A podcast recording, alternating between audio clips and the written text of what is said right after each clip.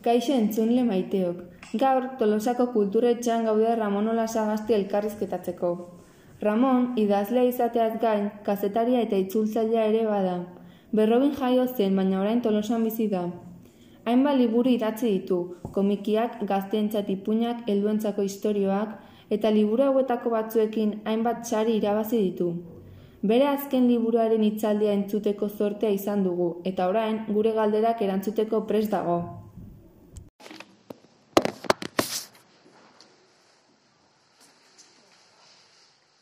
E, zure lehenengo liburua sei arrasto Eskandinavian izan zela ikusi dugu. Zailtasun asko izan zenituen.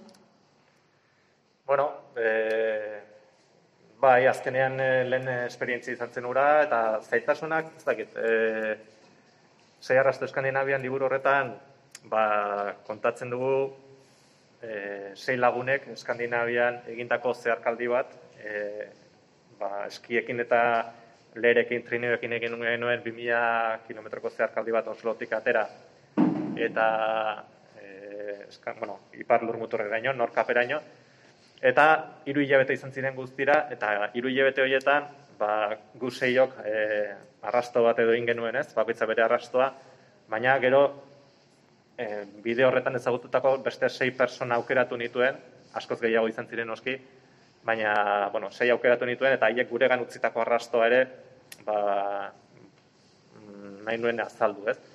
Orduan, ba, bueno, izan zen joskera hori egitea, e, zaitasuna ez nuke esango, zaitasuna izan zeni, baina, bueno, pixka bat da ari hori bilatzea, ez? E, azkenean edozein gidoietan, edozein liburutan, zaiena izaten da, ari hori edo asmatzea, ez? Eta behin hori, ari hori asmatuta daukazunean, ba, bueno, errexagoa da kontakizuna egitea.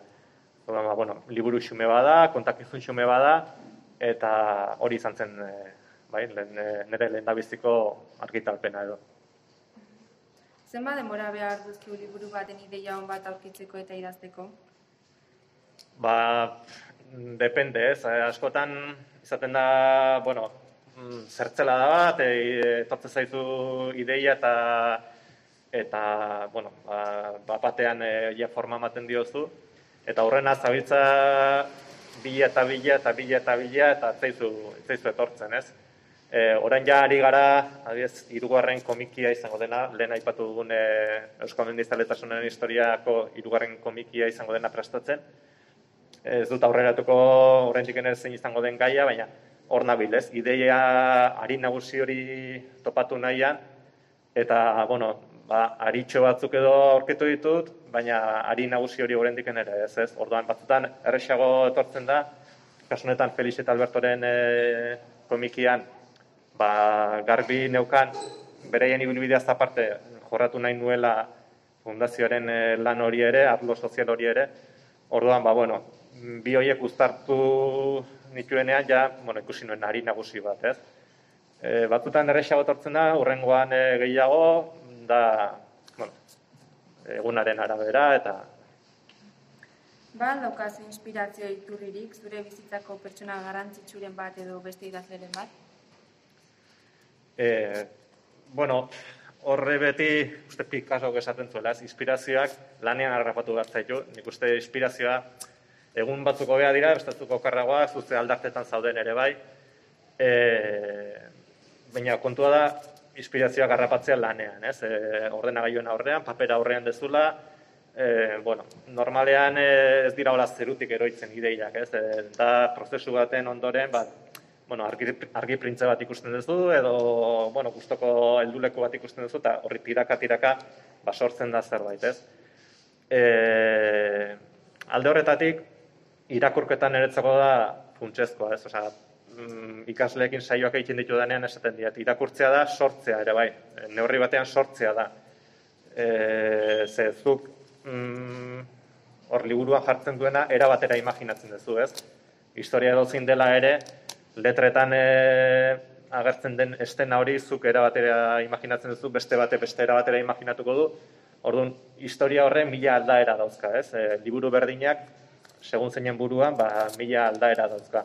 Orduan, irakurtzea ere sortzea da neurri batean, orduan, irakurketan etzako importantea da, gero sortzeko garaian ere, ideia pilo bat datoz izulako, Orduan alde hortatik, ba, bueno, gure literaturan ere ba, referente handia dauzkagu, ni adiez atxaga gutxi gara zuen garaian deskubritu nuen, mm, irakurrara ziziguten guri ere oakoa liburua, eta niretzako ba, atxagaren mundua izan zen deskubrimendu bat, asko ikasi nuen, geroztik atxaga asko jarraitzen dut, arkaitzkano asko jarraitzen dut, e, handu lertxundi asko jarraitzen dut, mm, bueno, hainbat egilez, eta, bueno, alde horretatik, ba, aholku hori egin nizok ez, irakurtzen, e, irakurtzen jarraitzea, eta irakurketa gozamen bihurtzea, ez, e, badakit batzutan, kosta egiten dela, ba, ikastetxean agintzen dizueten liburu bat irakurtzea, ba, uf, haber ze liburu da, haber, e, baina, bueno, mm, saiatu, eh? saiatu irakurketarik gozamen hori edo ateratzen eta bihurtzen delako gerora ba, plazer diturri edo. E, idatzi duzu bi komiki umentzat ipuñak eta alduntzat historiak. E, ze generetan sentitzea erosan idazten? Ba, ez dakit, erosoen erresago egiten zait, e, kazetaritza ikasi nuen, eta orduan urte askotan kazetaritzan egin nuen lan, e, orduan reportajearen edo kutsua duten e, idatziak eta lanak e, idazteko arain erosogo sentitzen naiz ez. E, bueno, ba, horre idatzi nuen biografia liburu bat, mendiari lotutako ba baita ere, Il, bueno, mendian hil ziren, hainbat mendizaleren biografiak ziren, mendi minez izena zuen liburuak, eta horra diez oso eroso sentitu nintzen, ba, zuek orain bezala, orduko hartan berrogeita marrekarrizketa edo egin dituen, mendizale hoien lagunekin, familiekoekin, eta gero elkarrizketa horiek bata bestearekin josi, ba, lan hortan eroso gau sentitzen naiz, ez? E, aur literaturan ere bai, azkenean da hor irudimena da gehiago, mm, bueno, ideia bat e, hartu eta horri forma eman, ez? E, hor asmatutako gauza dia gehiago, eta hor ere gustora sentitu naiz. Komikia mundu berria da niretzako, e, eta orduan nahi gabe testuak etzaizkit ateratzen komikiaren e, lenguaiari lotutakoak, ez? Komikia bere lenguaia dauka, lehen esan dute moduan, marrazkiak asko esaten du, e, testua zaparte, ba, marrazkiari ere asko erreparatu bat zaio, eta niko hain ere nabaritzen dut, ba, lenguaia visual hori ez daukatela ingaratua, ez? E, orduan, ba, ikasten ari naiz, e, Cesarrekin da batera, ba, bueno, komikiaren gidoi gintzen ikasten ari naiz, eta nik uste eberestetik, e, eberesteko komikitik ona egon dela bilakaera bat, eta espero dut e, irugarren erako ba, gehiago ikasten jarraitzea eta bueno, nabaritzea gehiago dut. E, ikusi dugu mendiai buruzko bi komentu jatzen duzula. Zer ikusi aldu zure mendira joateko zaletasunak? Bai, ba, ni e, Euskaldun egunkarian lanean hasi nintzenean, laro gita izan zen hori, oraindik ere kazetaritza ikasketak egiten ari nintzala eta e, bueno, mendia orduan ere ja gustoko nuen, ez? E, mendira e, sarri joaten itzan eta 84an eman zieten aukera ba egunkarian orduan etzeuen mendiko informazioa jorratzen zen orrialderik eskaini ziaten aukera egun, bueno, astean orrialde bat mendiari buruz idazteko. Orduan, ba, horra sinitzen, gero orrialde bat zana bi bihurtu ziren, eta gero e, zortzi horri aldeko gehigarri bat. E, kuaderni oso bat egiten genuen, mendiari bakarrik ez, bidaiei, abentura kirolei lotuta. Eta gero egunkariaren txira etorri zean, baina bueno, berrian ere jarraitu genuen informazio hori jorratzen, ez? Oden, mendiari lotuta jarraitu izan du beti, e, eta zorte hori euki izan dut, ez? E, gustoko, nire gustoko bi zaletasun, idaztea eta mendia lotzekoak, e, eta nolabait hortik bizitzeko, ez? Gaur egun ere, ba, naiz eta itzulpen gintza izan ere bizitza iturria, eta hortik e, ateratzen dut e, soldata edo, e, mendiari lotutako hainbat lan etortze zaizkit, ez? Ba, komiki hau adibidez, edo e, ba, mendifilm jaialdia Bilbon egiten da mendizin emaldi bada, gero hemen tolosan ere menditur edo izeneko, bueno, hango pelikulak etortzen dira, eta herri biltzen dira, e, orko pelikula hoien azpidatziak e, euskarara nik itzultzen ditu pelikula askoren nabeintzat. Orduan, mendiari lotuta hainbat lan sortzen zaizkit eta bueno, sorte hori e, badaukat, ez? E, bi bizarretasun horiek ba, uztartzeko eta bai, lotura zuzena dauka. E, Lizardi saria irabazi e, zenun sasiolako errotariak 2018. E, eragina izan aldu sari horrek zure idazlen e, lanaren ibilbidean?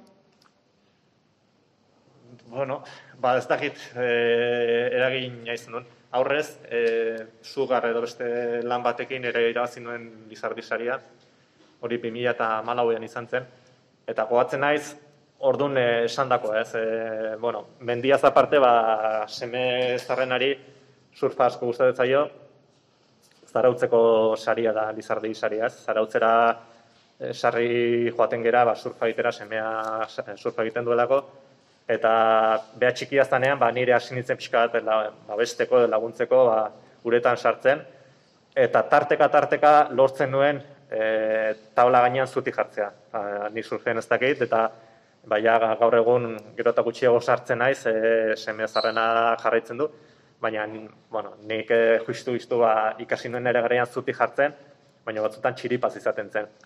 Orduan, aurkezpen e, ekitaldian esan nuena, nerezak sari hori, lizardi sari hori izan zela taula gainean e, zuti jartzea bezalakoa, ez? E, bueno, zuk saiatzen zara zozer txukun idazten, e, ipuin txukun bat idazten, baina ez dakizu, e, jendeari gustatuko zaion edo ez, edo zeharrera izango duen eta sari hori jasotzea lehendabiziko aldian eta gero sasiolako errotariarekin nola da sentimendu berdina ez, ba, ah, tabla gainean zuti jarri naiz. Gero gehienetan nabil ba uretan ezinean, e, olatu artean ezinean, baina tarteka tarteka ba, bueno, olako bultzatxo bat bada, ez, e, sari bat lortzea eta bueno, lagundu di gehiago ba, bueno, jendearen gana iristen, hainbat ikastetxetara joaten, eta irakurleekin ba fik hori edo hartu eman hori izaten, ez? Ta hori netzatu dizuen da oso oso pozgarria. Argitaratu duzun liburu berrian konfinamentuak harrapatu da Bai, bete betean harrapatu zigun. Eh, ta bueno, zaildu eh, neurri batean zaildu digu prozesua, ez? E, Bilbo bizi da Cesar, eh, marrazkilaria, Tolosan eta bueno, ba, ezin izan dugu elkartu nahi beste aldiz, e, elkartu ginen ja behin konfinamendua itxialdia bukatu eta gero elkartu ginen Tolosan, o Bilbon, hainbatetan, eta bestela barremana izan dugu, ba, telefono bitartez, e, bideo deien bitartez, eta, eta bueno, moldatu gara, ez? E, beldur gehiago ematen zigun, eta horrek bai eragindu argitalpenean, ba, mm, Durangoko azoka etzen oiko formatuan egin, formatu digitalean egintzen, ez genekien ez da ere mendifilm egiten da benduan, durangoko aztokaren fetxa berdinetan, gutxi gora bera, ez genekien mendifilm e, jaialdi hori egin izango zen edo ez,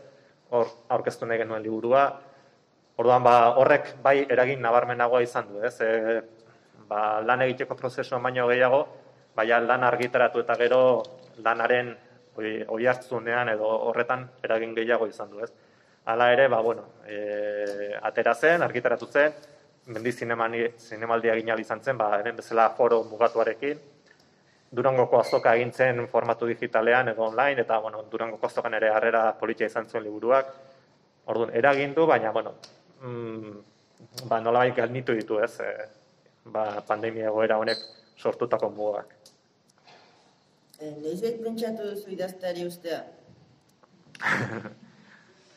Ba, ez dakit, e, ez, ez du pentsatu. E, azkenean, ba, nire, nire lanabesa da hizkuntza ez, e, bai itzultzeko garaian, bai idazteko garaian, eta nire asko gustatzen zait hizkuntza lantzea, hizkuntzarekin jolastea, e, irakurtzea, hizkuntza niretzako da, bueno, azkenean tresna bat gozamena ematen didana, ez? Bai idazteko garaian, bai irakurtzeko garaian, bai itzultzeko garaian, orduan, ba, beste edo zeinentzat, ez dakit, e, telekomunikazioa gustatzen zaizkiona entzat, ez dakit, ba, beste gauza batzuk gustokoak izan daitezkeen bezala, edo zuhiltzaile bat entzat, ba, mendian trebatzea, e, zuak itotzeko teknikatan trebatzea, gozagarri izan daitekeen bezala, ba, niretzako hizkuntza gozagarria da, ez? E, boladaka joaten naiz, e, batzutan itzulten gintzak ez dituzten sortzeko tarte handirik, ba, itzulpen lan potoloak etortzen zaizkialako, eta hoietan e, aritu beharretelako. Orduan sormenerako idazteko ez dute tarte handirik izaten, da hurrengoan, ba, bueno, ideia bat, lehen eh, aipatu bezala, ideia bat etortzen zaizu, ideia hori ja mamitzen duzu eta sortzen hasten zara, ez? Da, bueno, ba, orduan bultzadaka, ez, e, impulsoka funtzionatzen duenik, ez naiz ez naiz idaztetik bizi, e, horrelako lantxoak bargiteratzen dira, baina hortiken e, idazle batentzat ba, biziturria eskaisa izaten da normalean, idazle profesionalak oso gutxi dira Euskal Herrian, eta, bueno, mm, berez, e, idazle prozesu hori izaten da impulsoka, baina, bueno, utzi utzi ez dut uste utziko dio danik e, orain behintzat. Da, baukezu beste proiekturen bat o liburun bat asteko asmorik epe motzen? Ba, bai, oin e, gabiltza e, Cesar eta biok, bueno, lehen fasenetan batez ere ni, baina hirugarren komikia prestatzen. Eh? E, aurten ez, gurren urtean argiteratuko da, baina, bueno, mm, oso aldez, aldez horretik ibili behar da, ez? E, naiz teman e, datorren urterako dela eta oso, bueno, denbora asko dagoela, ba, e, aldez horretik egin behar da, orduan, ari naiz hain dokumentazioa bilatzen, hemerotekatan bilatzen, e, joko dugu pasade mendeko lehenengo bi datara, mila bat zideon da amarreko eta goiko datara, oza, eun urte baino gehiago, eun urte justu gutxu bera bera, eta orduan hor dokumentazio lan handia egin beharra dago, e, orduko egunkarietan da harakatu, miatu, zer argitaratu zen, e, gure protagonista izango danak zer idatzi zuen, zer bere garaian desente idatzi zuen berak ere. Orduan, hortan nabil orain, eh? berak irakurriko idatzitakoa biltzen, egunkarietan da argitaratu zena biltzen, eta ja, ba, lehen ari hoiek edo ari mutur hoiek ba, bilatzen, ez? Piska bat, irugarren komikia izango, don, eh, izango dan horren gidoia edo lantzeko. Eh? Orduan, ba, urrengo proiektua hori hori izatea, espero dut. E, argi zenon zure hautsaron o nera bezaron idazle izan nahi zenula kasetari? Ba, nahiko, bai, nera bezaroa mitzan nahiko argi naukan. E, txikitatik, e, nere etxean etzen e, libururik, hau noiz bait uste e, ikastetxetan da komentatu etela, ez? Nere amak, e, amazanak, etzekien e, irakurtzen eta idazten. Eta bera, bueno, etzen eskolara joan, e, ba, baltistanen bezala, zenbait herritan eta zenbait familitan, ba, etxean behartzan e, lan eskua, eta orduan amak ba, etxean jarduten zuen lanean, e, zuen e, eskolara joteko aukerarik izan, e, erritik ere mendian bizi ziren, da erritik ere bost kilometrora bizi ziren e, ba, baserri batean, Orduan, ba, bueno, nik nire etxean, e, ni umean nintzala ez nuen libururik. Ez nuen libururik ezagutu, eta tolosara jisten ginenean enkargutara, amari eskatzen, eskatzen nion liburuen bat edo erosteko ez da tarteka liburuak e, liburuen bat edo beste erosten ziaten, eta hie behin eta berriro irakurtzen dituen. Eta nik uste zer ez daukazun, ba, hori nahi izaten duzu askotan ez. Eta orduan, ba, nik libururik ez naukan ez, ba, horiek eskatzen dituen. Eta orduan, zaletu nintzen irakurtzera. Eta e, zeo zer hizkuntzarekin e, idaztearekin zer ikusia zeukan zer zer nahi nuen lanbide bezala, ez? Eta, bueno, kazetaritza irutze zitzaian e, ba, izan zitekela bide bat, polita, horretarako. Eta, bueno, ba, ni kasketak e, egiten asterekin batero psikalenago sortu zen e, Euskal Honen egunkaria, Euskarazko egunkaria, gaur egun ba normala da, ez? E, Euskarazko egunkari bat kioskoan egotea, baina orduan ez zegoen Euskarazko egunkaririk.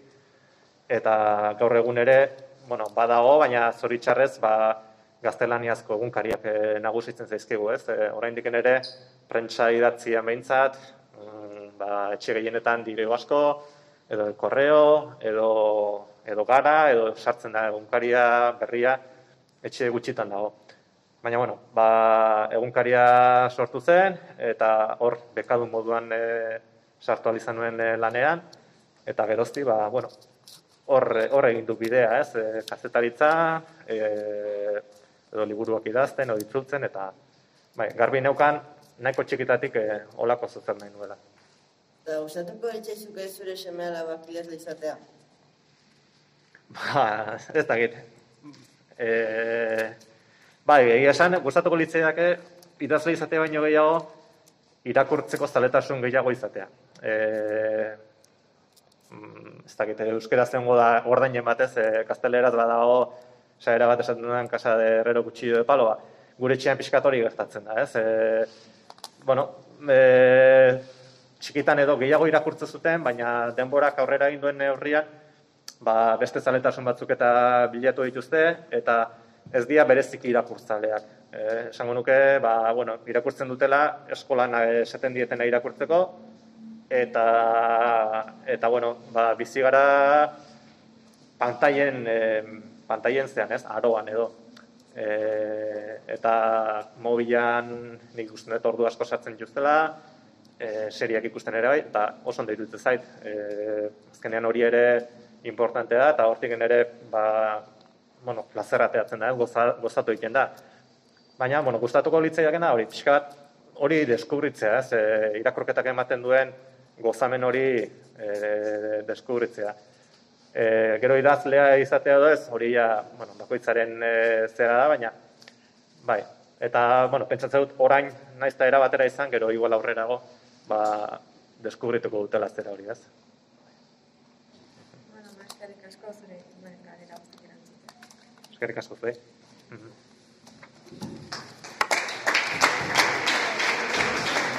Eh, sinatu Vale.